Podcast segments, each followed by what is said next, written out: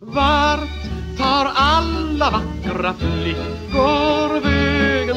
Och var kommer alla fula lya kärringar ifrån?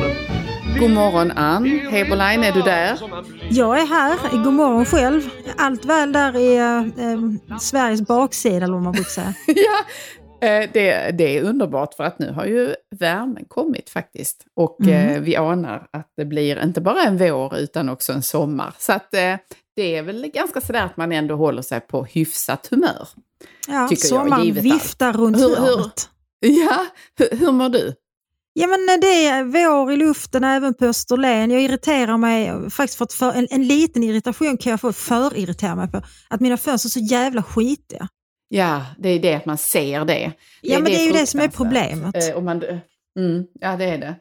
Eh, så att om man tänker sig att solen skulle kunna gå en annan bana så att den inte kom precis på fönstren på det sättet, eh, tänker jag, i förhållande till hur huset ligger och liknande. ja, men det är liksom bra. någon slags byggarbetsplats här i, i fägorna också. Jag tror att de river upp väldigt mycket damm och sen så är det mycket sådana stora jordbruksmaskiner, traktorer och annat som kör förbi utanför mitt fönster. Så fastän ja. jag putsar fönstren för två Livet på landet. Ja, så är livet på landet. Men det är, ja, jag kan leva ja. med den irritationen. Ja, men vi, vi går på de irritationer som ändå har sökt oss på ett sådant sätt att vi måste ventilera dem lite mer omständligt och utförligt för våra lyssnare. Mm. Eh, vad, vad, har eh, fått ditt, eh, ditt, ditt blod i svall i veckan? Alltså det är ärligt talat så är det ganska mycket. Så jag hade en, en bukett av irritationer ja. att välja mellan. Men jag valde följande. Du skriver också Här... upp. Jag brukar Ja, jag brukar ja, jag skriva liten, upp. Så jag, jag har en liten mapp i min eh, telefon där jag noga noterar ja, alla irritationer. irritationer. Ja, ja, precis. Det är bra. Ja. Berätta, jo, så här, berätta. Jag, mm. jag satt här en kväll och kände mig mycket uttråkad. Så jag övervägde mm. olika alternativ för att eh, få lite mer krydda i mitt liv. Eh, men avfärdade då nästan alla eftersom de kunde medföra olika typer av problem också. Typ som att börja knarka, det kan bli mm, tråkiga mm. bieffekter. Kanske ha en affär kan ja. också bli jobbigt och så vidare. Så jag gjorde helt enkelt det som människor ofta gör. Vad sa du? Mm. Ja, när jag sa gränsöverträdelser har ja, ju de precis, liksom olika i gränsöverskridande sig. lösningar på för att bryta tristessen. Men det jag gjorde ja. då var väl det som människor ofta gör när de är uttråkade. Jag beställde nämligen en resa. Och det, det var jag väldigt nöjd med, den här resan, för jag tyckte att jag fick den till ett ganska bra mm. pris eh, för mig och min man då. Sju dagar och resa och hotell och allt möjligt i ett spännande land eh, till det facila priset av 8400. Mm. Då tyckte jag att det var väl ändå något av ett kap.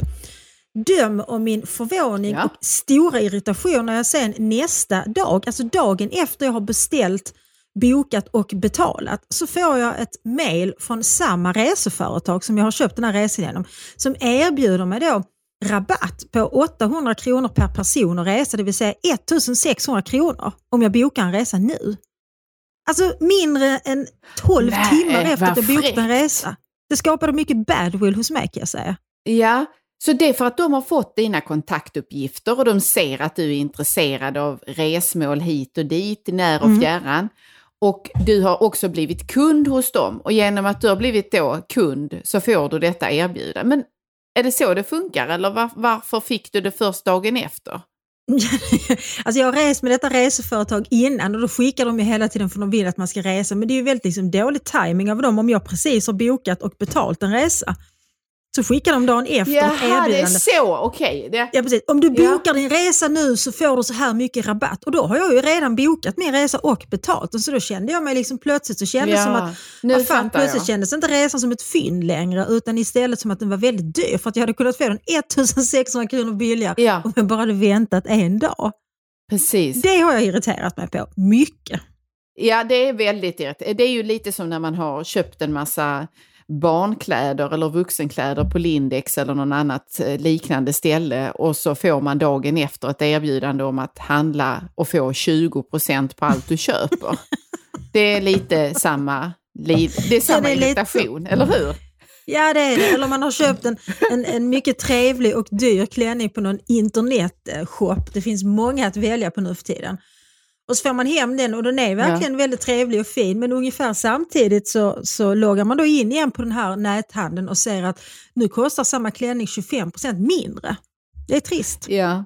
Men, men precis, det var därför jag frågade, jag, det var därför jag undrade om det kunde vara så att när de fick dina uppgifter att du fick någon slags check i samband med det. För att jag vet att jag har varit inne på någon sajt som min dotter är väldigt intresserad av därför de har danskläder och sånt där. Och eh, bara jag går in och klickar på att titta på någon viss produkt så får jag sen fem dagar i rad därefter en massa slags erbjudanden om bonuscheckar mm. för i den händelse jag skulle vilja handla där. Och då har mm. de ju mm. registrerat min aktivitet. Mm. Eh, och försöker liksom locka mig att så här, kom tillbaka, köp Jo men det lite. förstår jag, för att de vill ju locka dig då att handla. För du har mm. ännu inte handlat något men du har tittat på saker, du kanske, du har kanske favoritmarkerat något och så vidare som man gör. Men jag hade ju redan bokat och ja. betalat så nu känns det bara som att de räcker mig fingret. ja, det förstår jag. Fy! Ja. Usch, men men, jag, jag, jag får svälja den irritationen och glädjas åt att jag ska få åka på semester. Vad har du irriterat dig på, Anna-Karin? Ja, det är faktiskt en sak som sammanhänger med en rekommendation du gav mig. För att mm. Och det är naturligtvis inte på dig jag har irriterat mig, utan men du sa så här, har du lyssnat på programmet Filosofiska rummet eh, och deras så kallade politiska specialprogram som de har nu. Ah. De försöker göra en, eh, en slags politisk valkompass, säger mm. de själv. Filosofiska rummet är ett program som går på radions P1 en gång i veckan och som är lite grann våra konkurrenter, tänker jag. Vi bruk, jag brukar tänka så här, vi är som Filosofiska rummet, fast roliga och snabba mm. istället. Alltså roliga, ja, det, snabba det och lite jag... belästa, eller mycket belästa. Medan Filosofiska rummet är långsamt. En, en mycket bra beskrivning. Vi är Filosofiska rummet, fast kul. ja, men det som irriterar mig då med det här eh, Filosofiska rummets specialutgåva, där de fördjupar sig i liberalism, konservatism och socialism, det är att de har i alla dessa tre program valt in idéhistorikern Sven-Erik Lidman som en specialröst som ska rama in de här tre stora ideologierna. Mm. Eh, och detta irriterar mig därför att Sven-Erik Lidman är mycket eh, meriterad och kunnig men han är också väldigt tydlig med att han har en marxistisk grundposition mm, i sin eh, vetenskapliga gärning och också i sin, sin skrivproduktion i övrigt. Det här är ju en man som har gett ut väldigt många böcker och varit mm. inne på många områden i samhället och haft åsikter och så.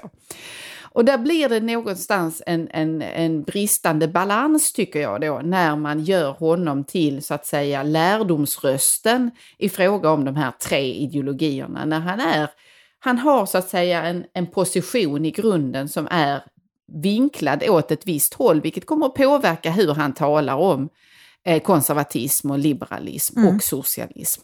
Detta irriterar mig, därför att det är alltid så att det är den typen av position, politiska position eller markering är sällan problematisk när det kommer till public service. Medan om man skulle ha en lika tydlig positionering i en annan riktning, då blir det problematiskt. Ja, alltså jag håller med dig och när jag rekommenderar dig att lyssna på det här som jag tror kallas kallas ideologiska rummet eller politiska rummet. För det är som du säger, det är någon slags Politiska rummet tror jag. Ja. ja, det är det nog. För det är, ja. det, det är ett syskonprogram till Filosofiska rummet. Det är en annan programledare som jag ärligt talat tycker inte sköter sitt uppdrag särskilt väl. Därför att hon ställer inga kritiska frågor, hon ställer inga följdfrågor. Och när jag bad dig lyssna på det eh, så var det för att jag, jag var faktiskt också oerhört irriterad, för att inte säga direkt uppragd eh, över, det var det första avsnittet mm. som handlade om liberalism. Jag tyckte det var en total vantolkning av liberalism som de här två personerna, det var en filosof och en idéhistoriker, eh, framförde mm. då. Och jag kan inte säga att det har blivit bättre. Alltså programmet om konservatism är rena skämtet. Och när det gäller det programmet som mm. handlar om socialism var det ju givetvis väldigt höviskt, för att socialismen har ju aldrig gjort något ont, tyckte de experterna. Ivrigt påhejade av den opartiska gurun Sven-Erik Lidman. Nej, det var fan bedrövligt alltså. Ja, precis. Ja, det, I det programmet om liberalism så kommer jag också fram till att om man verkligen vill vara och rösta liberalt mm. i Sverige idag, då ska man välja Miljöpartiet eller Vänsterpartiet. Enligt de experter och ja, enligt de experterna så, är Vänsterpartiet det ja. mest liberala partiet vi har. För det enda som definierar liberalism enligt dessa två så kallade experter, det var inställningen till migrationspolitik. Det är det enda som är en liberal fråga tyckte de ja. två. Det var mycket märkligt mm. alltihopa. Mm. Så vi säger skärpning public service. Ja, verkligen. Och, eh, men eh, för alla er som är intresserade av eh, filosofiska, idéhistoriska, kulturella diskussioner, sök er till söndagsskolan. Här får ni ett öppet rum, eller hur? Med, med högt ja, i tak. Och jag skulle till och med vilja gå så långt så att jag Utan skulle vilja be er som lyssnar att rekommendera oss. Därför att som det är nu så är ni ungefär 5000 som lyssnar på varje avsnitt och det tycker vi är fantastiskt och jätteroligt. Men vi tycker att vi borde vara minst 50 000 som lyssnar. Så värva gärna en kompis eller tio så att vi blir ja. fler. Ja, det, det hade varit underbart roligt faktiskt. Har blivit en madam med skunk bak och fram. Men mm. då lämnar vi våra irritationer eh, mm. av, över uteblivna reklamcheckar i rätt tid och eh, snedvridna framställningar av ideologier eh, i public service och rusar in i tät bebyggelse skulle jag vilja säga. Oj, har du gått eh, in i väggen nu Anna ja. vi har ju varit, för några veckor sedan så var vi ju ute på landet. Ja. i landsbygden och eh, eh, hoppade i hö och doftade på kor och grisar och allt möjligt. Men nu mm. tänker vi ge oss i kast med staden. Mm. Staden, eh, livet i en stad och eh, mm. fördjupa oss i vad detta kan innebära och skänka för, för tankar. Eh, vi har väl båda bott i städer eh, relativt länge, eller stor del av våra liv, vuxna liv i alla fall, eller hur? Mm. Ja, det får man säga. Alltså, jag är ju född i Malmö eh, och bodde i Malmö tills ja. jag skulle börja skolan. Och sen återvände jag till Malmö så fort jag kunde, det vill säga när jag hade fyllt 18 och slutat gymnasiet och börjat jobba som vårdbiträde på Värnhems sjukhus i Malmö. Sen har jag bott periodvis ja. mycket i Stockholm. Och Sen så bodde jag också ett tag eh, när jag arbetade som au pair i Manchester. Det är ju en ganska stor stad får man säga. Oj, ja men då har du, du har mycket god stadserfarenhet för att ge dig i kast med detta tema. Min huvudsakliga stadserfarenhet som boende måste jag ju säga är eh, den stora staden Göteborg, som jag ja, ju fortfarande bor utanför då. Ja, eh, eh, och naturligtvis Lund som ju är den lilla storstaden som man brukar ja, säga. Precis. Men, jag, jag, i, jag i, nämnde inte mm. ens Lund, men Lund är ju den stad jag har bott flest år i. Faktiskt, men jag tycker Lund ja. kan knappt räknas men, som en stad. Nej, men det är väl där kanske vi kan ta någon slags startpunkt i det här med att tänka på småstaden, storstaden och också var i landet staden, om vi nu håller oss till Sverige, är belägen. Därför att allt det vi talade om i avsnittet landsbygd, nämligen detta med litenheten eller mm. känslan av att eh, man är begränsad i sina val och så vidare och i fråga om vilka man har att umgås med, vilka man kan spegla sig i och så. Det, där skulle jag säga att det är väldigt liten skillnad mellan eh, landsbygdsidentiteten och småstadsidentiteten där. Därför att de relaterar i båda fallen till den här lite i, i vissa stycken mindervärdeskomplex kanske i förhållande till storstaden mm. som man känner sig främmande inför eller som representerar eh, på alla sätt då kontrasten till det som finns i, i byn eller i samhället eller på landet. Håller du med om det? Ja, jag skulle nästan vilja säga att, att de, komple- alltså de mindervärdeskomplex som du nämner tror jag faktiskt är starkare hos småstadsmänniskor i relation till storstaden än vad det är hos människor på landsbygden. Därför att jag upplever nog att, mm. att människor som bor på den riktiga landsbygden kan också känna en viss stolthet i det. Att det är här jag hör hemma. Mm. Medan människor som bor mm. i små mm. städer, de är väldigt upptagna av att längta därifrån. Jag menar, vi nämnde den här filmen Fucking Åmål förra gången när vi pratade om landsbygd. Och mm. Jag kommer ihåg att du sa, jag, jag såg filmen mm. och fattade ingenting, de bodde ju i stan.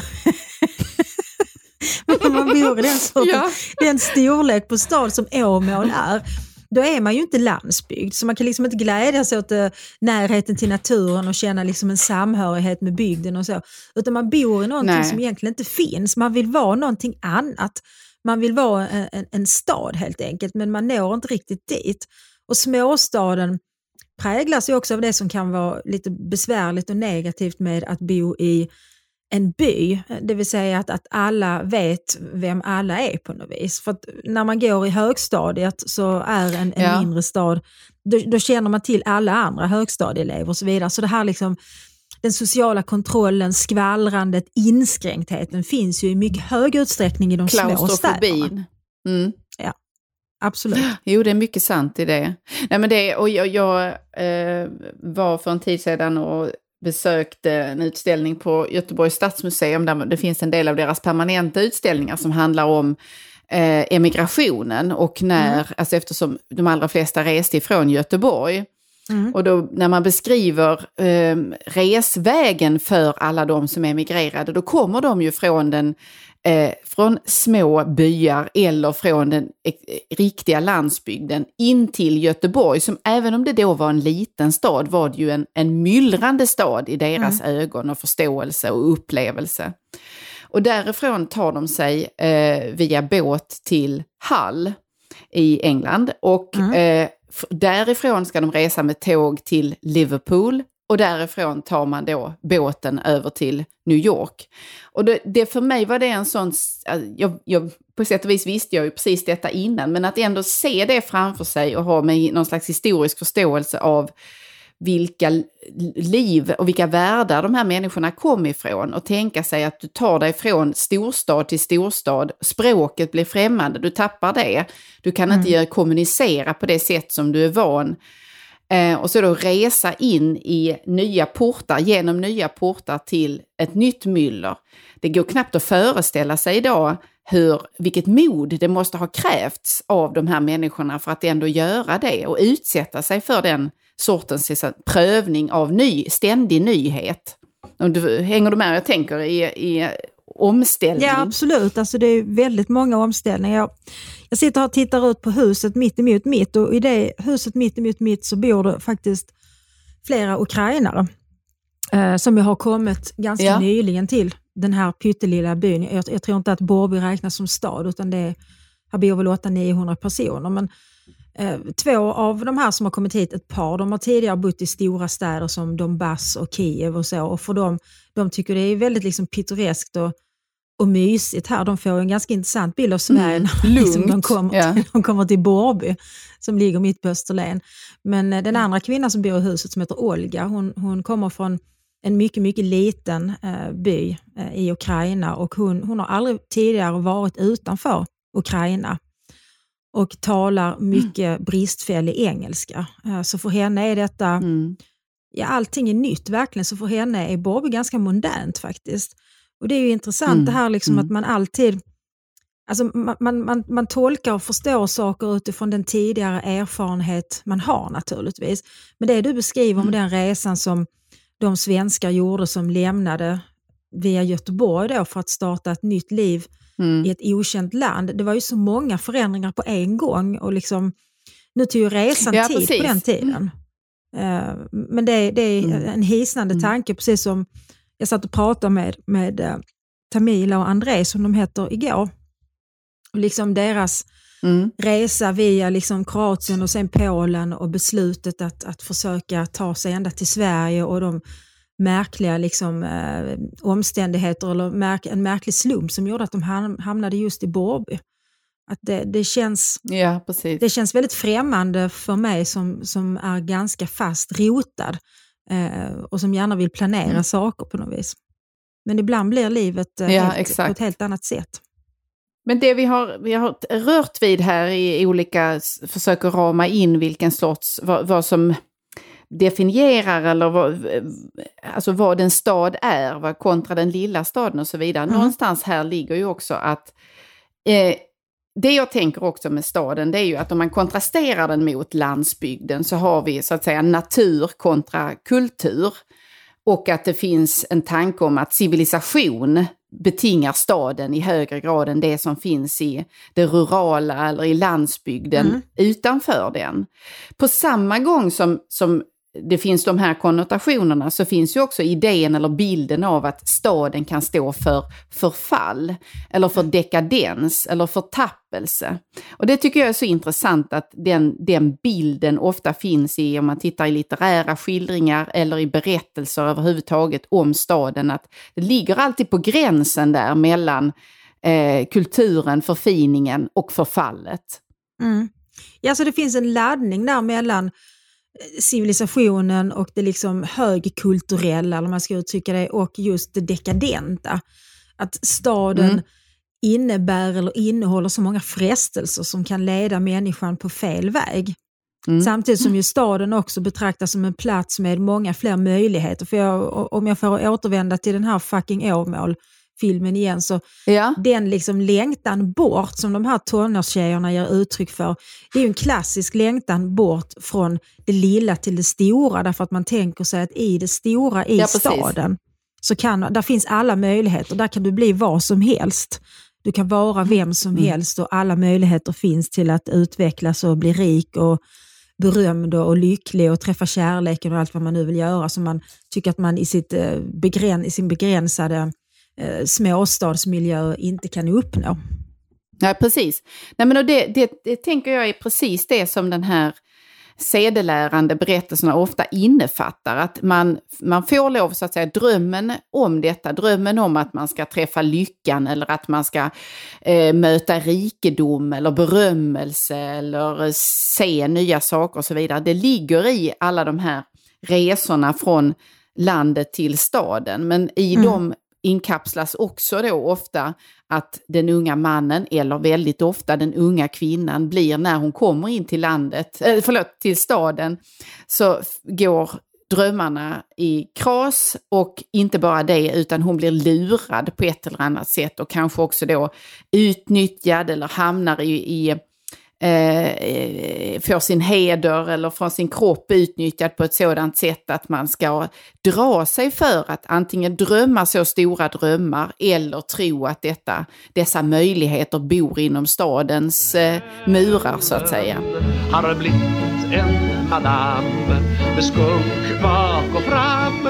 Jag tänker liksom på hela urbaniseringsprocessen. Alltså när Mm. När industrialismen kom så skyndades påskyndas urbaniseringen också för att då flyttade ju människor in från landsbygden ja. till städerna. Och det, I samband med det, jag mm. menar, det var inte så att allt var frid och fröjd ute på landsbygden när människor levde liksom som statar och torpar och mer eller mindre livegna i vissa fall. Uh, så att, ja, precis. Men, men, mm. men, när de flyttade till staden så flyttade de också ofta till väldigt um, liksom undermåliga villkor. Och jag tänker inte minst på Alltså John Stuart Mill som man eh, förknippar då med, med eh, utilitarismen och, och liberalism och så vidare. Hans eh, mm. engagemang väcktes ju där i mötet med de fattiga familjer som trängdes i, i mycket små hem där framförallt kvinnorna och barnen får väldigt illa. Och det sägs att det var det ja, som precis. var mm. upphovet till hans intresse för att försöka formulera en ny filosofi, alltså en filosofi som också skulle kunna leda till social rättvisa. Så där är ju staden mm. liksom det här stora, svarta, skitiga, pulserande på något vis som ja. drar ner människan också. För i den här misären, ja, alltså, i, i den här misären så fanns det också mycket missbruk av alkohol som männen hamnade i och så vidare. Så det är ju, det är ju en, mm. en, en, en annan bild av staden där staden inte är den här skimrande möjligheten. Samtidigt som det säkert var så att när Nej. de här familjerna fattade beslutet att, att lämna landsbygden när de inte kunde försörja sig längre för att ge sig in till London eller någon annan stor stad så fanns det förhoppningar om ett bättre liv som kom på skam ganska så snabbt, mm. får man väl säga. Ja, precis. Och att de här eh, kontrasterna mellan den som har pengar eller den som inte har pengar, den som har, eh, äger medel eller den som är i under slavliknande förhållande hos någon innan, långt innan fackrörelser och liknande då började rätta upp de här eller kräva eh, rimliga villkor för arbete och liknande. De skillnaderna var så enormt stora och sen så har vi ju rört oss mot att det finns någon slags rimlig fördelning i detta och att boendevillkoren ser eh, bättre ut, bostadsstandarden förhöjdes och moderniserades och så vidare. Men jag, jag tänker att det intressanta i detta är ju att vi har det, det, de extrema förhållanden vi tar vår utgångspunkt här i när vi beskriver staden. Vi, vi, på ett märkligt sätt så har vi ju närmat oss dem igen. Mm. När vi inom ramen för samma städer i Sverige idag kan se sådana enorma skillnader i livsvillkor eller också i värderingar i fråga om hur mm. man ser på samhället eller hur man ser på sin nästa eller hur man förhåller sig till samhället. Och jag tänker att det vi alldeles nyss har varit igenom här med eh, kravaller i, vad var det, fem svenska städer. Mm. Under påskhelgen. Där eh, unga män, ja precis, där unga män under fasansfulla timmar eh, tog över delar av de här städerna, Malmö, Landskrona, Örebro, Linköping, Norrköping mm. och sätter då vanliga regler, lagar ur spel. Det, är ju, det, det vi ser där är ju också att det finns krafter i en stad, i samhället, men specifikt i de här städerna, som lever på helt andra jag vill inte använda ordet värdegrund för det, blir, det är så löjeväckande, men som har helt andra värdesystem och normsystem. Eh, och, där, och där skillnader inom samma stad är enorma. Ja men det är det verkligen, alltså, det finns ju samhällen i samhällen. Jag brukar tala om olika mm. etiska universa. Eh, och det ser vi ju tydligt exempel på just med de här påskkravallerna. Och det handlar väl i mm. grunden, mm. tror jag, om huruvida man känner sig tillhörig och delaktig i det stora sammanhanget eller inte, eller om man mest relaterar till sitt eget lilla sammanhang, det vill säga sina kvarter eller sin del av staden. Och Jag tänkte nu under, mm. jag har ganska nyligen flyttat från Malmö och när jag nu i den sista, jag har bott i Malmö många gånger och i den sista vändan här nu så bodde jag ganska nära Värnhemstorget och promenerade ofta ner mot Sorgenfri med hunden för att jag, jag bodde på Sorgenfri de första åren av mitt liv och tycker det är väldigt trevligt Sorgenfri men Sorgenfri var ju för, eh, ja, på 20-30-talen så var de så kallade barnrikehusen där. Alltså det var rätt så mm. usla bostäder mm. som man byggde för familjer med, med väldigt många barn och det var då fattiga familjer. Det var väldigt mycket armod och elände där och det var liksom eh, olika former av kriminalitet och så vidare. Och om det har Maria Andersson skrivit väldigt fina böcker tycker jag som jag har läst många gånger måste jag säga. Mm. Första gången när jag var kanske tio år gammal och det, det gjorde starkt intryck på mig. Idag så är sorgen ja. fri och det som var barnrikehus har ju då med ett fint begrepp gentrifierats. Därför nu är det ett ganska ja. trevligt område att bo i. Där bor mycket människor som jag skulle beteckna som hipsters. Alltså det är kvarter med många mm. vegankaféer och liksom, du vet, liksom, man kan köpa en vegansk eh, frukost för 300 spänn eller något, så det är inga fattiglappar som ja, där Vad gott! Men ibland så, så promenerade jag ända ut till Rosengård. Eh, från Värnhemstorget där jag bodde så tog det kanske 40 minuter att gå ut till Rosengård. Alltså Malmö är ju en ganska kompakt stad på det sättet. Och mm. Rosengård mm. påminner ju idag om det som barnrikehusen var då. Det vill säga det är människor som ja, bor trångbott. Det är ganska liksom, mm. Eh, det är sämre kvalitet på bostäderna. Ofta får man väl säga för att människor som bor där själva missköter sina bostäder eh, och så vidare. Men mm. ingen vet riktigt hur många som bor på Rosengård och så är det ju i, i många mm. utanförskapsområden i Sverige att man vet inte riktigt hur många som faktiskt bor i de här lägenheterna. Ungefär så var det Nej. i barnrikehusen också. Men det som Maria Andersson skildrar väldigt bra i sina böcker det är också just det här liksom, driften hos människorna som bor i de här husen att försöka lura systemet på olika sätt och försöka stjäla ett kolhuvud från eh, storbunnen ute i Katrinelund och så vidare när de kunde. Och Det handlar ju om det här liksom att de upplevde inte riktigt att de var en del av samhället.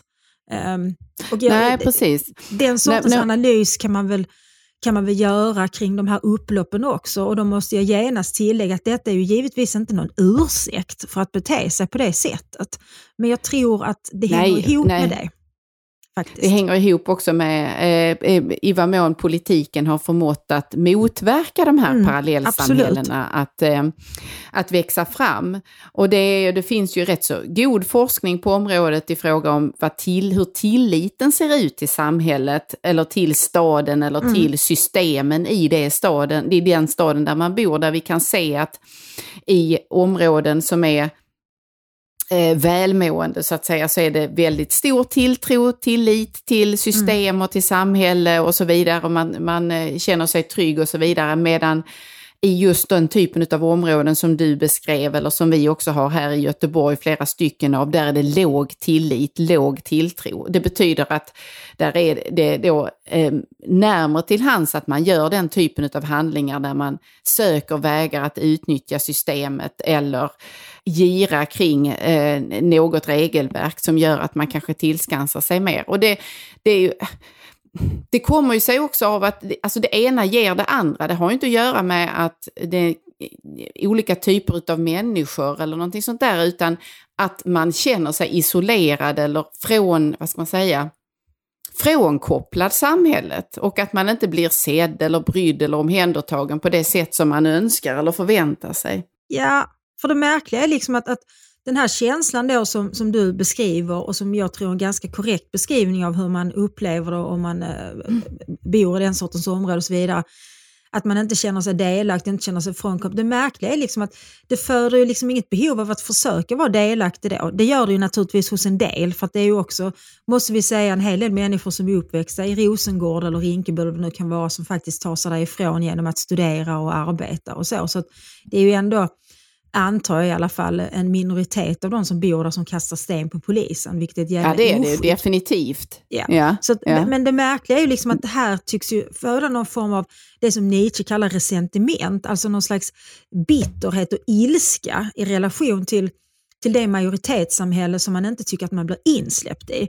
För jag tycker ändå att, att om man jämför ja. med, jag är uppväxt i en en småstadsmiljö får man väl säga. Största delen av min barndom och tonår tillbringade jag i en liten ort som heter Svedala som ligger två mil från Malmö. Eh, och liksom, där bor väl kanske 25 000 personer eller någonting. Och det var verkligen så liksom, att när man gick i högstadiet så visste man precis vem Sissi hade hånglat med på Lasse-diskot på fredagen. Och det skvallrades och, och liksom, alla var liksom Ja, det spelades fotboll eh, och om man läste många böcker så var man konstig och så vidare. Så jag, jag ägnade väldigt mycket tid åt att längta ifrån Svedala. Därför jag vill bli del ja. av det här andra som jag föreställde mig fanns, då var ju Malmö mina drömmars stad så att säga. Jag hade inte, jag hade inte liksom ja. större vyer än så. Men jag längtade till den stora staden Malmö där jag tänkte mig att jag skulle kunna liksom få blomma ut och vara den som jag egentligen var. Ja. Att där skulle människor se vem jag var mm. och så. Jag kände ju liksom ingen bitterhet eller hat i relation till det som jag tyckte att jag inte fick, utan Nej. snarare så ville jag försöka bli en del av det. Och det är det som är så oerhört märkligt med jo. den här liksom, reaktionen som vi inte bara ser i Sverige. Men för några år sedan så var det väldigt mycket kravaller i, i förorter till Paris till exempel. Eh, och då skrev ju bland annat ja, Slavoj men... Zizek om det.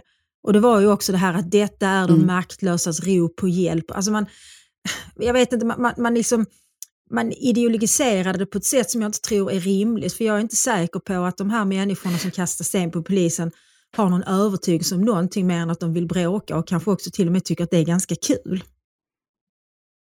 Nej men det är ju ungefär så som rikspolischefen också beskrev det som mm. inträffade. Att det här handlar inte om att de egentligen protesterar mot något särskilt utan de vill inte ha polisen i de här områdena Nej, de därför att det stör den egna rätts... Och, ja. och, och igen får vi understryka då så att ingen missförstår detta. Vi förstår att det är en mycket, vi vet att det är en mycket, mycket liten grupp av de som bor inom de här områdena.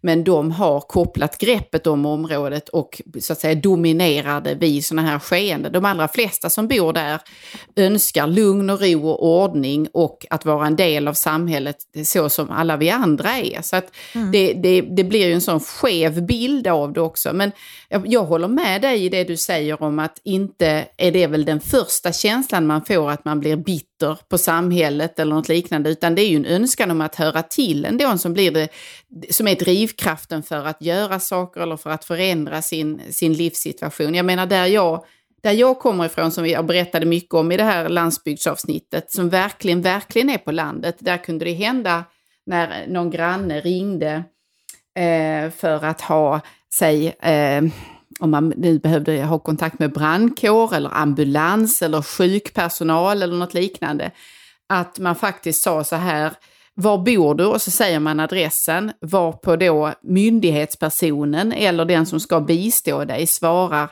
så långt ut sträcker sig inte min karta över Helsingborgs kommun.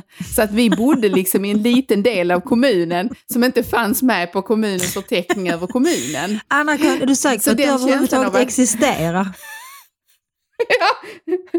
Men, så jag bara menar att det är exakt samma känslotillstånd ja. eller alltså, utanförskap, om jag nu ska använda det ordet som jag egentligen ogillar, kan ju finnas på, beroende på olika platser i landet. Men eh, Lärneby som skrev den här eh, boken om eh, familjen i Göteborg mm. som är ett exempel ja, på just det, det vi talade om tidigare. När, när, ja, exakt. Eh, och det hon ger systematiska exempel på där är ju hur samhällets företrädare, alltså till exempel störningsjouren, som ska åka ut om det blir eh, tillbud eller någon stör eller någon tar, gör, gör någonting i hyresbostäderna som de inte ska göra. De struntar, då efterhand så struntar de att åka ut till de här områdena, till de här bostadskvarteren där familjen har etablerat sitt mm. rättssystem. Därför att de vågar inte. Eller därför att de har lämnat liksom walkover till dem. Och då, då, då menar jag att då sviker ju samhället också de människor som försöker att upprätthålla de vanliga reglerna i staden, i samhället där de bor. Ja men absolut, så är det naturligtvis. Är det dags för ett nytt kök, badrum, nya garderober eller nya vitvaror? Låt oss på HTH Köksstudio hjälpa er. Med erfaren personal och brett sortiment guidar vi er hela vägen till färdigt resultat. Dela upp er betalning räntefritt upp till 36 månader. HTH Kök, det kallar vi kökskärlek som håller. Midjan så smal, så ack royal. Jag tänker att nu, nu har vi pratat en del om, om stadens baksidor så att säga, med liksom utanförskapsområde ja. och våld och, och osäkerhet och så vidare. Och allt det finns ju i en stad, men jag tänker att det finns ju saker som lockar med staden också, som inte bara leder rakt i fördärvet. Mm. Utan det finns ju något liksom glittrande, något, något liksom glamoröst, något spännande med staden. Eh, först, jag skulle vilja fråga dig om, anser du att det egentligen finns någon en stor, finns det storstäder i Sverige överhuvudtaget? Eh, alltså, jag, jag, brukar tänka, jag är ju ganska mycket i Stockholm, jag brukar alltid mm. tänka när jag är där att det, dess eh, geografi Alltså stadsbilden av detta mm. att vattnet är inne i staden överallt omkring en gör att jag inte upplever mig vara i en storstad. För det är så luftigt där i det som mm. är själva kärnan av vår huvudstad. Så att jämför man till exempel med att vara i Köpenhamn där man har den här, alltså där trång, det, det trånga, eller det att mm. det är mycket bebyggelse, det är kompakt, folket pulserar och att det är liksom en, en rytm som man möter i de europeiska storstäderna, den har jag inte känt många gånger när jag är i Stockholm. Utan ja, där finns en luftighet som, som ja. inte får mig att associera till riktig storstad i den bemärkelsen. Men det är ju ett gott betyg till Stockholm, tycker jag. Egentligen att den är så otroligt vacker. Ja, alltså, just, alltså jag har ju, jag vet inte, jag har någon slags hatkärlek till Stockholm, men, men så är det nog om man är Skåne. Ja. man kan aldrig liksom 100% omfamna Stockholm, för att Stockholm är någonstans alltid Alltså är man uppväxt i Skåne och särskilt om man är på landsbygden så är Stockholm en bild av makten mm. och överheten. Eh, en, en, en makt och en mm. överhet som aldrig lyssnar på oss här nere. Eh, så att, eh, min relation till Stockholm mm. är ganska komplicerad. Jag tänker på min dotter, hon ehm, när vi, för något år sedan så flyttade vi från Lund till Malmö och hon är ju uppväxt i Lund och har gått i skola där och sådär. Och hon var ju stark motståndare till att flytta till Malmö. Eh, hon gillade inte Malmö alls, det, det, gör man sällan om man bor i Lund. Men så bodde vi i, i Lund i någon vecka, och så, eller i Malmö någon vecka och så av någon anledning så körde jag henne till skolan i Lund en morgon, för jag skulle till Lund ändå. Hon gick kvar i gymnasiet i Lund. Och så när vi körde in i Lund så vände hon sig mot mig och så sa hon så här, mamma har du tänkt på att Lund är ju ingen riktig stad, det är ju inte som Malmö. tänkte att hon bytte, liksom, hon skiftade lojaliteter väldigt snabbt där. Sen tog hon studenten och sen ja, i höstas så flyttade hon till Göteborg. Och när jag var och besökte henne ja. första gången i Göteborg i höstas så kom hon och mötte mig på centralstation så sa hon så, mamma det måste kännas roligt för dig att komma till en riktig stad, du som bor i Malmö. så liksom bytt perspektiv, att nu var inte Malmö heller en stad, men Göteborg, det är en stad. Men i höst flyttar hon till London, så men, men det är väl precis som det ska. Eh, ja. Göteborg ganska snabbt då tror jag. Ja, Nej, men det där är väl precis så som det ska vara eh, när man är i din dotters ålder och när man erövrar nya regioner, nya städer, nya sätt att existera på. Då ska man ju känna precis så att det här har, det här har jag inte varit med om innan. Det här var något nytt, det här var något större. Här fanns större möjligheter, andra kontakter att knyta och så. Så det är en ganska vacker bild, även om du och jag som är lite mer till åren komna kan konstatera att ingen av dessa städer är ju egentligen städer då. Nej, men, det är också fint att, att hon men, omfamnar de möjligheter som staden ger istället för att känna liksom, ja. oj här kommer jag från, från Österlen från början, hur ska jag hitta här? Och hur, utan hon, liksom, hon omfamnar det och hon tar för sig det. Eh, och det är väl en, det är också ja, men det, liksom men det, en, en klassisk bild av den unge mannen eller unga kvinnan som kommer till storstaden och som verkligen tar för sig av den och njuter av detta. Och förvisso går på några nitar, så annars blir det ingen bra historia av det. Nej, men, men precis. men, men det, det, är ju det här med att staden har möjlighet till frigörelse eller till, ja. och till att man så att säga går igenom någon slags metamorfos och kan bli något annat än det man var innan. Men det, det som jag tänker är en intressant kontrast i detta, det är ju att alltså i i berättelsen om staden så finns ju också, precis som vi tangerade innan, det här med dekadensen eller mm. att man nästan blir lite, också av allt det som finns i staden så blir man småningom blasé på det. Man tappar mm. liksom sugen, det finns inte, alltså jag tänker att eh, Hjalmar Söderbergs romaner är ju väldigt mycket, rör sig ju kring detta, kring dekadensen eller kring att man blir lite, man är liksom lite allmänt blasé på det. Mm. Eh, till, I kontrast till detta tänker jag på alltså vår tids, eh, eller de senaste decenniernas motsvarande berättelser om unga människor och staden. Då har vi ju den här liksom rappheten istället och att det är mm. i staden, det är där livet skyder och det är där skämten haglar och det är där, det är där allting, allting sker på något på ett annat vis. Så att säga. Det, det, där finns ju inte den här sorgkanten som 10-talets litteratur hade på det, det sättet. Nej, alltså du tänker typ tv så jag tänker på tv-serier som Sex and the City och Friends och Seinfeld och så vidare. Där staden är den platsen där de som är liksom unga och smarta och roliga finns på något vis. Ja, precis. Ja. Jo, och där, är, där, där det är, eh, där det, det liksom är omöjligt att tänka sig att detta skulle kunna utspela sig någon annanstans än i en riktigt stor stad. För det är själva förutsättningen för spelplatsen och det är också förutsättningen för de förhållandevis, och där finns kanske en beröringspunkt till det jag just sa tidigare då, att det, där de har oerhört triviala problem egentligen. Alltså det är inte några riktiga bryderier, det är inte några riktiga livskriser de går igenom, utan det är ganska små bekymmer av kärlekskaraktär eller jag menar tar vi Seinfeld så är ju hela det är ju en satir över unga människor boende i en storstad egentligen. Mm. Och de pyttiga saker som till exempel att det är väldigt jobbigt att beställa soppa av en viss person och sådär. Som har en, en någon särskild ja, det, det är ett av de äh, bättre avsnitten faktiskt, måste jag säga. Nej, men, ja, men det är ju inte ett verkligt problem. Det är ju inte ett verkligt problem egentligen. Liksom. Nej det är det inte, utan det är, liksom, det, är det smarta som egentligen är, är drivkrafterna. Men jag tänker att det som de här tv-serierna, nu har vi ju lite daterade exempel.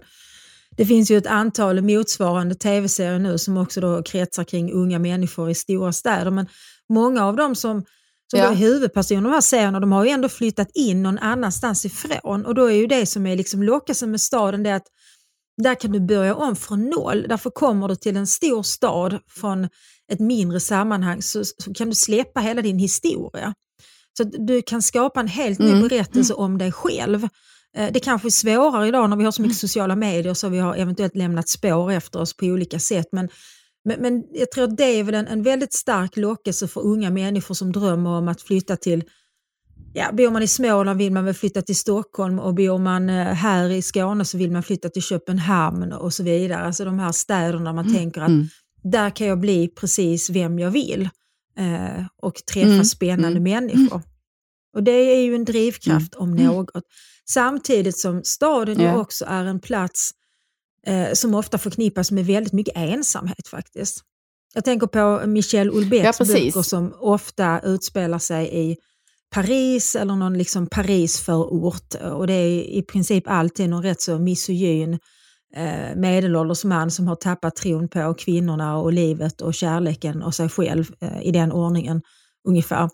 Och han, han är mm. i, i, allmänhet alltid väldigt, väldigt ensam. Så att staden är ju också en, en, mm. en plats för ensamhet trots att det är så många människor. Och fullt så ensam kanske man inte blir på landsbygden. Även om det bor färre människor på landet så ser man ju varandra på ett sätt som man inte riktigt alltid gör i stan. Man kan ju vara anonym i staden och den anonymiteten kan ju både vara lockande och skrämmande och kan vara skön ibland men ibland också väldigt svår att uthärda, tänker jag mig.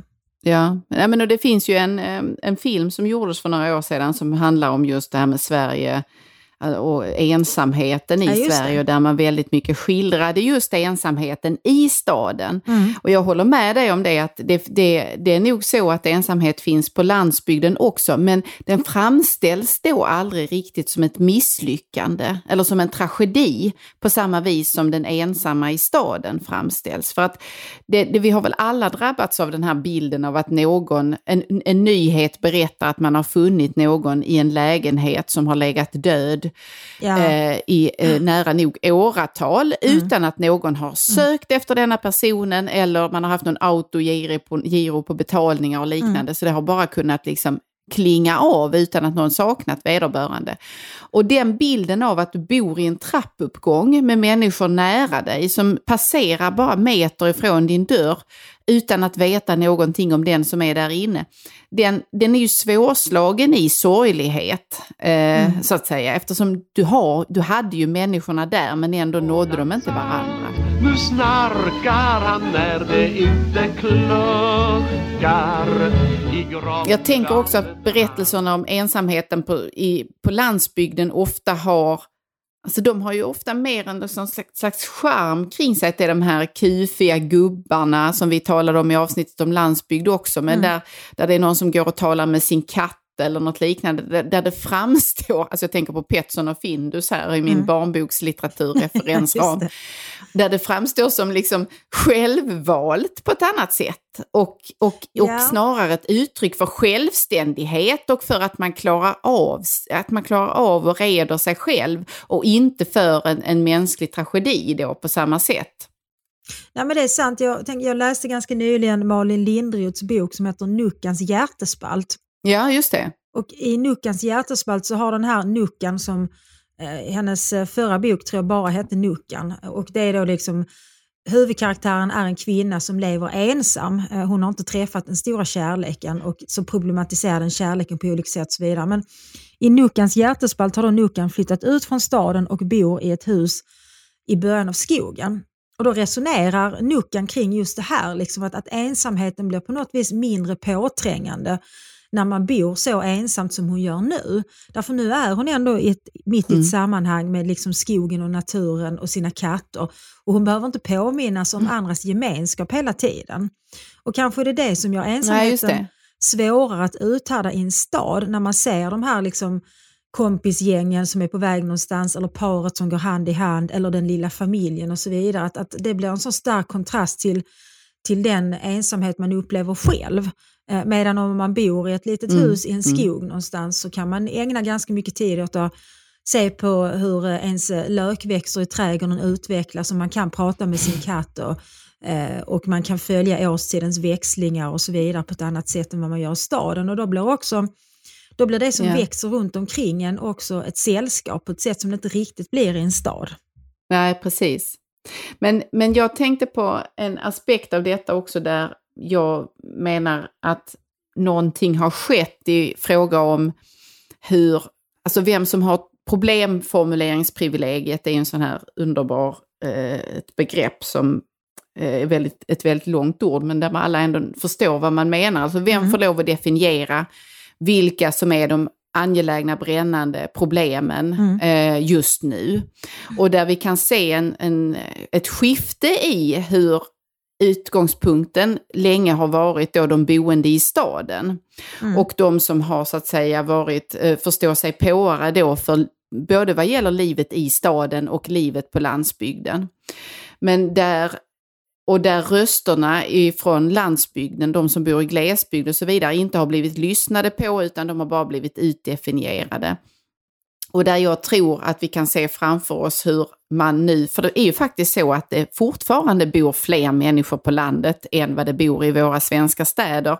Och mm. där vi blir så att säga politikens eh, sätt att, att strunta i människor som bor utanför staden kommer att alltså det har ju redan straffat sig ganska hårt genom att vi har sett ett, ett ökat stöd för det som man tidigare kallade missnöjespartier. Nu kanske det är fel att kalla Sverigedemokraterna ett missnöjesparti, men det var ju så det så att säga startade i mm. hög grad. Eh, och där eh, de andra partierna varit tvingade genom bara de faktiska opinions och väljarsiffror som har uppenbarat sig att de måste på något bättre sätt ad adressera och acceptera att de verkligheter och de problem som man upplever i andra delar av landet har en, äger en realitet och bör också få någon slags lösning. Jo, men alltså, det är ju helt uppenbart att att samtliga politiska partier har väl förstått just detta eh, inför det här valet. För jag upplever nog, jag, jag förutspår att valrörelsen kommer att handla ganska mycket om landsbygden faktiskt. Och det ser vi ju redan ja, hur, precis. Ja. hur samtliga partier har liksom, med hjälp av olika politiska förslag så adresserat just människor på landsbygden. Så det finns en annan medvetenhet och en, jag tror en, en, en en insikt, eh, en drabbande insikt eh, även hos ett parti som Centerpartiet att det gäller liksom inte bara att, att, välja, att vinna innerstadsväljarna och det är absurt att just Centerpartiet som ju från början är landsbygdspartiet yes. nu förknippas så mm, mycket med mm. ja, unga kvinnor i stora städer helt enkelt. Att det är de som, som gillar ja, Centerpartiets uh, ideologi framför allt. Så Centerpartiet har ju de har ju mm. tappat det som en gång var deras kärnväljare.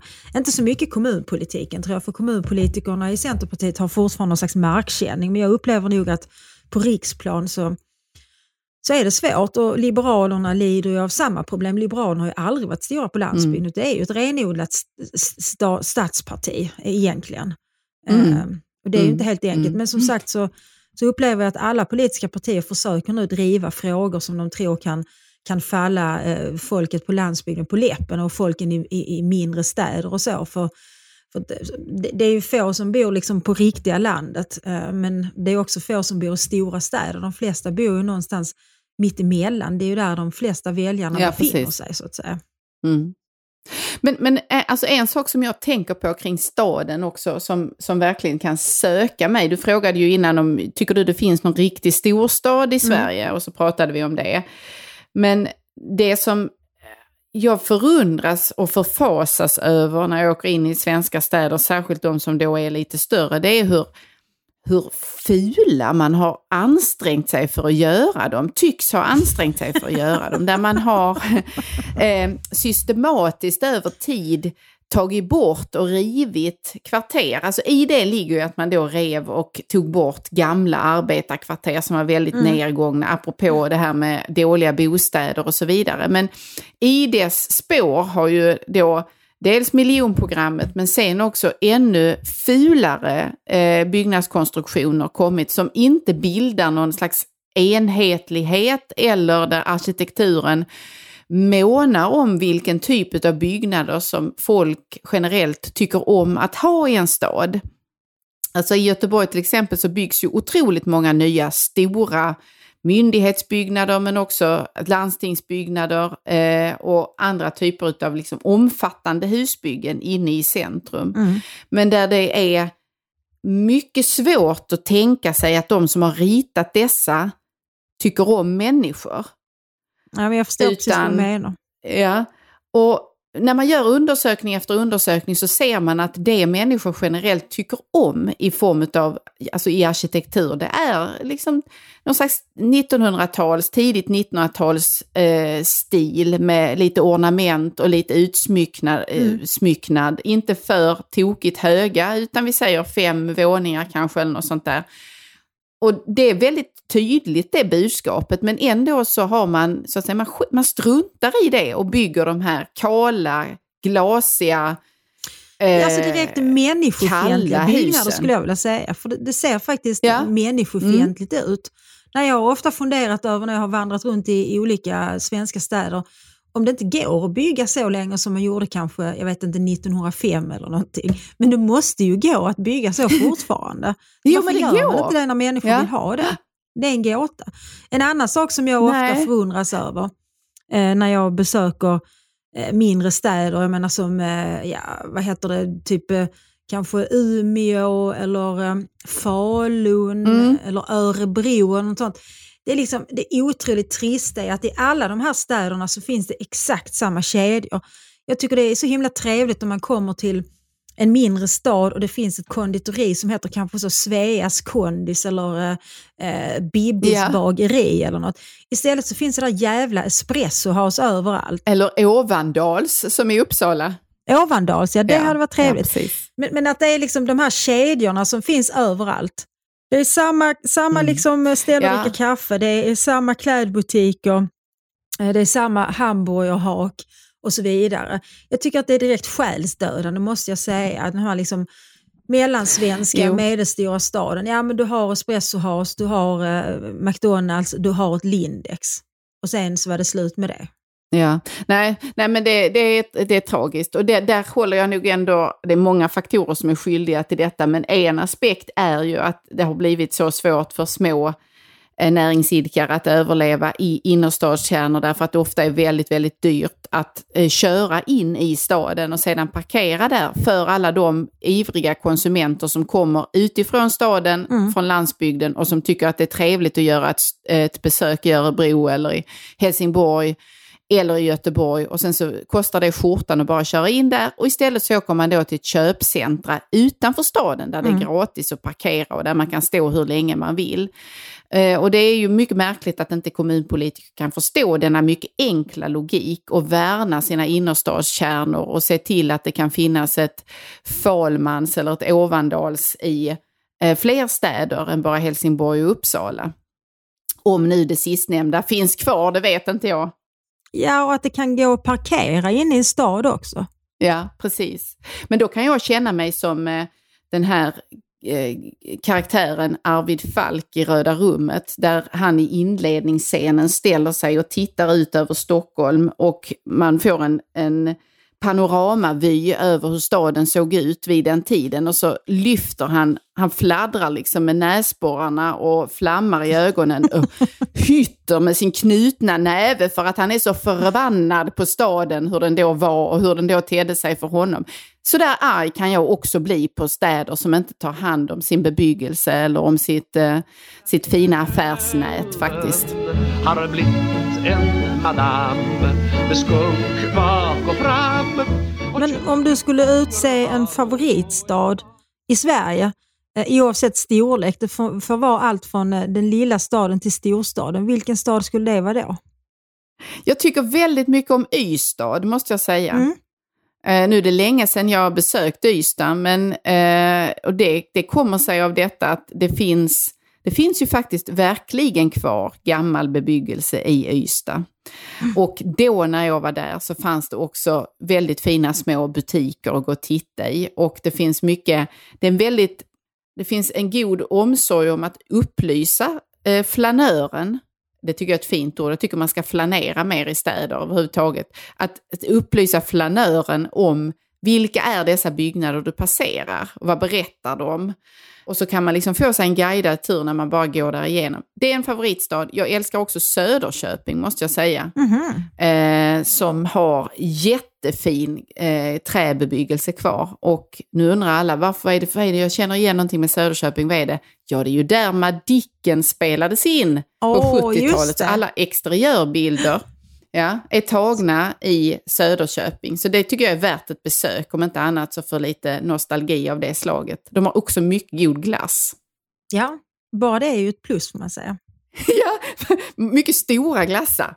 Eh, var, var, du får du välja dina favorit, svenska favoritstäder ja, men alltså, i Sverige. Min absoluta favoritstad är faktiskt Malmö. Och Det är ju den staden som jag är ja. född i. Det är den staden där alla talar, eller inte alla, men rätt många talar samma dialekt som jag. Och Det är så intressant det här liksom hur man Alltså hur man identifierar sig med någon för att man känner igen samma dialekt. Det där har vi pratat om innan, att du och jag pratar mm. inte riktigt samma dialekt, utan mm. du pratar ju, jag pratar malmöitiska oh, och du pratar mer som man pratar i Helsingborg. Och jag var så glad när vi flyttade tillbaka jag trodde till du skulle Malmö. säga, ja, Jag trodde du skulle säga, du pratar ju som i Fråga Lund.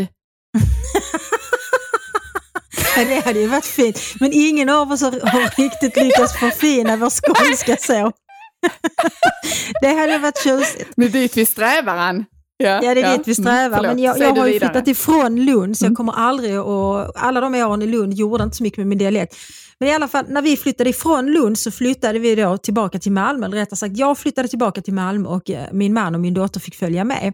Eh, Och jag har trivts enormt Mm. bra i Malmö måste jag säga. Men det som var så intressant när, när jag flyttade dit och skrev en liten notis om detta på Facebook, det var att jag fick så fruktansvärt aggressiva reaktioner på att jag flyttade till Malmö. Därför människor tolkade detta som Jaså? en slags politiskt statement att flytta till Malmö. Och det, det liksom, Malmö, har ju fått, Malmö får ju symbolisera väldigt mycket som är dåligt och det tror jag är Ja. väl dels en konsekvens av Lars Åbergs bok Framtidsstaden som ju handlar om Malmö och som ju verkligen har Mm. satt bilden av Malmö i offentligheten. Och också naturligtvis återkommande rapportering om skottlossningar och gängkriminalitet i Malmö och så vidare. Men jag vill gärna påpeka att det är faktiskt färre skottlossningar i Malmö nu än i till exempel Stockholm och det är några andra städer som ligger före också. Och ändå så lever liksom bilden av Malmö som någon slags Sveriges Chicago kvar. Och det är ganska intressant att människor Mm. som egentligen aldrig har besökt en stad, för jag frågade människor då som tyckte att, eh, att man kan inte bo i Malmö, lycka till, du kommer att bli skjuten och sånt. Liksom, när jag frågar så, men när var du i- Malmö senast? Så kröp det fram att jag aldrig varit i Malmö. Så det är så Aha. intressant att, att, att städer också blir symboler för någonting. Och det Jo, tycker jag nog att precis. Malmö har blivit väldigt mycket. Jag kan inte riktigt komma på någon annan svensk stad som får vara symbolen på det sättet. Jag vet Stockholm är väl också en symbol för oss som bor i södra Sverige för just makten och överheten och så vidare. Ja. Nej, men det, det ligger mycket i det och det finns väl några exempel på där städer har lyckats att eh, omstöp, alltså att, att vända den typen av negativa laddningar. Eh, men det är ju väldigt skört eh, faktiskt och svårt om det är, har satt sig så hårt som det har gjort med Malmö. Men jag Mm. var i Malmö för inte alls särskilt länge sedan eh, Mm. och jag måste säga att det var en angenäm vistelse och det finns ju Nej, jag såg heller inga kravaller. Eh, jag blev mycket väl omhändertagen av... Det är skönt att höra. eh, det, ja, precis. Men, och jag noterade ju också hur stora, alltså hur ny bebyggelse har kommit till där, hur Mm. stadskärnan så att säga har, har expanderat och Mm. hur eh, det, ser, det ser i stycken helt annorlunda ut från hur jag minns det när jag reste dit som barn och sådär. Så att det är, är väl värt ett, vacker, ett besök, det är en vacker stad. Ja, alltså min kärlek till Malmö Men, handlar eh, inte så mycket om att, att Malmö är vackert, utan det är bara det att det är den platsen som jag faktiskt känner mig väldigt hemma på. Ehm, eller i, i på. Ja. Ehm, jag, Malmö är mitt hem, så, så tror jag att jag känner det. Men sen Mm. håller jag med om att Ystad är en, mm, en mycket vacker stad också. Eh, och sen så är jag väldigt förtjust i Mm. den här lilla staden som också innehåller en eh, internatskola, nämligen Sigtuna. Det tycker jag är en rar liten stad. Ja. fint. Precis. Sugtina, som Hasse Alfredson skulle ha sagt om eh, eh, alla som har hört sina lindemän vet nu att jag refererar till hembiträdet som kom ifrån Sigtuna men de kallade henne Sugtina. ja, och då fick med en liten fräckis också innan vi ska knyta ihop vår stadssäck här, för Ja. det börjar bli dags nu. Det börjar bli dags. Ska vi säga några allmänna råd bara nu till eh, folk som eh, bor och rör sig i staden? Det finns ju vissa saker man bara absolut inte ska syssla med om man är i en stad och bland folk. Och jag, vi, vi har ju, jag har tidigare varit på det här med att spotta på gator och torg och sådär. Ja. Det är ju naturligtvis ett tabu. Man, man gör inte det om man är i en stad. I, i en stad. Man är, gör inte det om man är nära andra människor. Det är en mycket enkel regel. Inga spottloskor eh, på våra gator, tack. Vad har du för regel? Nu får du ta, vi tar varannan här tycker jag. Ja, och sen så finns det då saker som man måste göra när man är i en stad. Man måste ta upp efter sin Mm. hund. Om hunden skiter på trottoaren, ta Självklart. upp omedelbart. Har du något mer? Ja, jag, jag tycker att ehm, det skulle vara trevligt om man eh, hade, jag, jag tycker det har förslappats en hel del i fråga om hur man hanterar köer eller hur man tar ett steg tillbaka om någon behöver komma fram eller något liknande för att se, titta på någon vara i en butik och sådär. Jag tror att där har pandemin skadat oss lite så att vi har mm. blivit sämre på detta att umgås på det sättet socialt, alltså inte där man känner varandra utan där vi helt enkelt är tillsammans på en restaurang eller på ett café eller i en affär. Så att där, där har, man säger att svenskar är bra på att stå i kö. Jag tycker inte vi är så bra på det längre utan vi behöver skärpa oss. Eh, ja, och särskilt gäller ju detta i städer då. Ja, och det, det, det, där är ju en fråga om hänsyn. Vi, vi säger det, visa varandra respekt och eh, eh, håll inne med spottet när ni är i en stad. Ja, så precis. kommer det mesta Cykla att lösa sig, inte på trottoaren, plocka upp hundbajs. Och de här sakerna som jag inte vet vad de heter men som är som någon slags elektriska sparkstöttingar. Eh, sätt dem på avsedd plats är ni snälla. Det är ungefär vad jag begär. Eller skit i att använda dem. Skit i att använda dem för de är så det är irriterande. Bättre. Gå istället. Ja. ja. Ja, ja men det var rör väl... på fläsket. Ja, rör på fläsket, det mår vi alla bra av. Men det var väl allt från oss denna söndag. Det var vår lilla stadsguide. Ha det bra så hörs vi om en vecka igen. Ja. Hej då! Hej, hej. Vart tar alla vackra former vägen? Och var kommer alla hakorna på makorna ifrån? Nu är den stora färgfesten i full gång hos Nordsjö Idé och Design.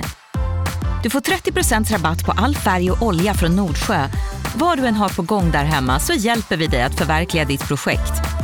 Välkommen in till din lokala butik.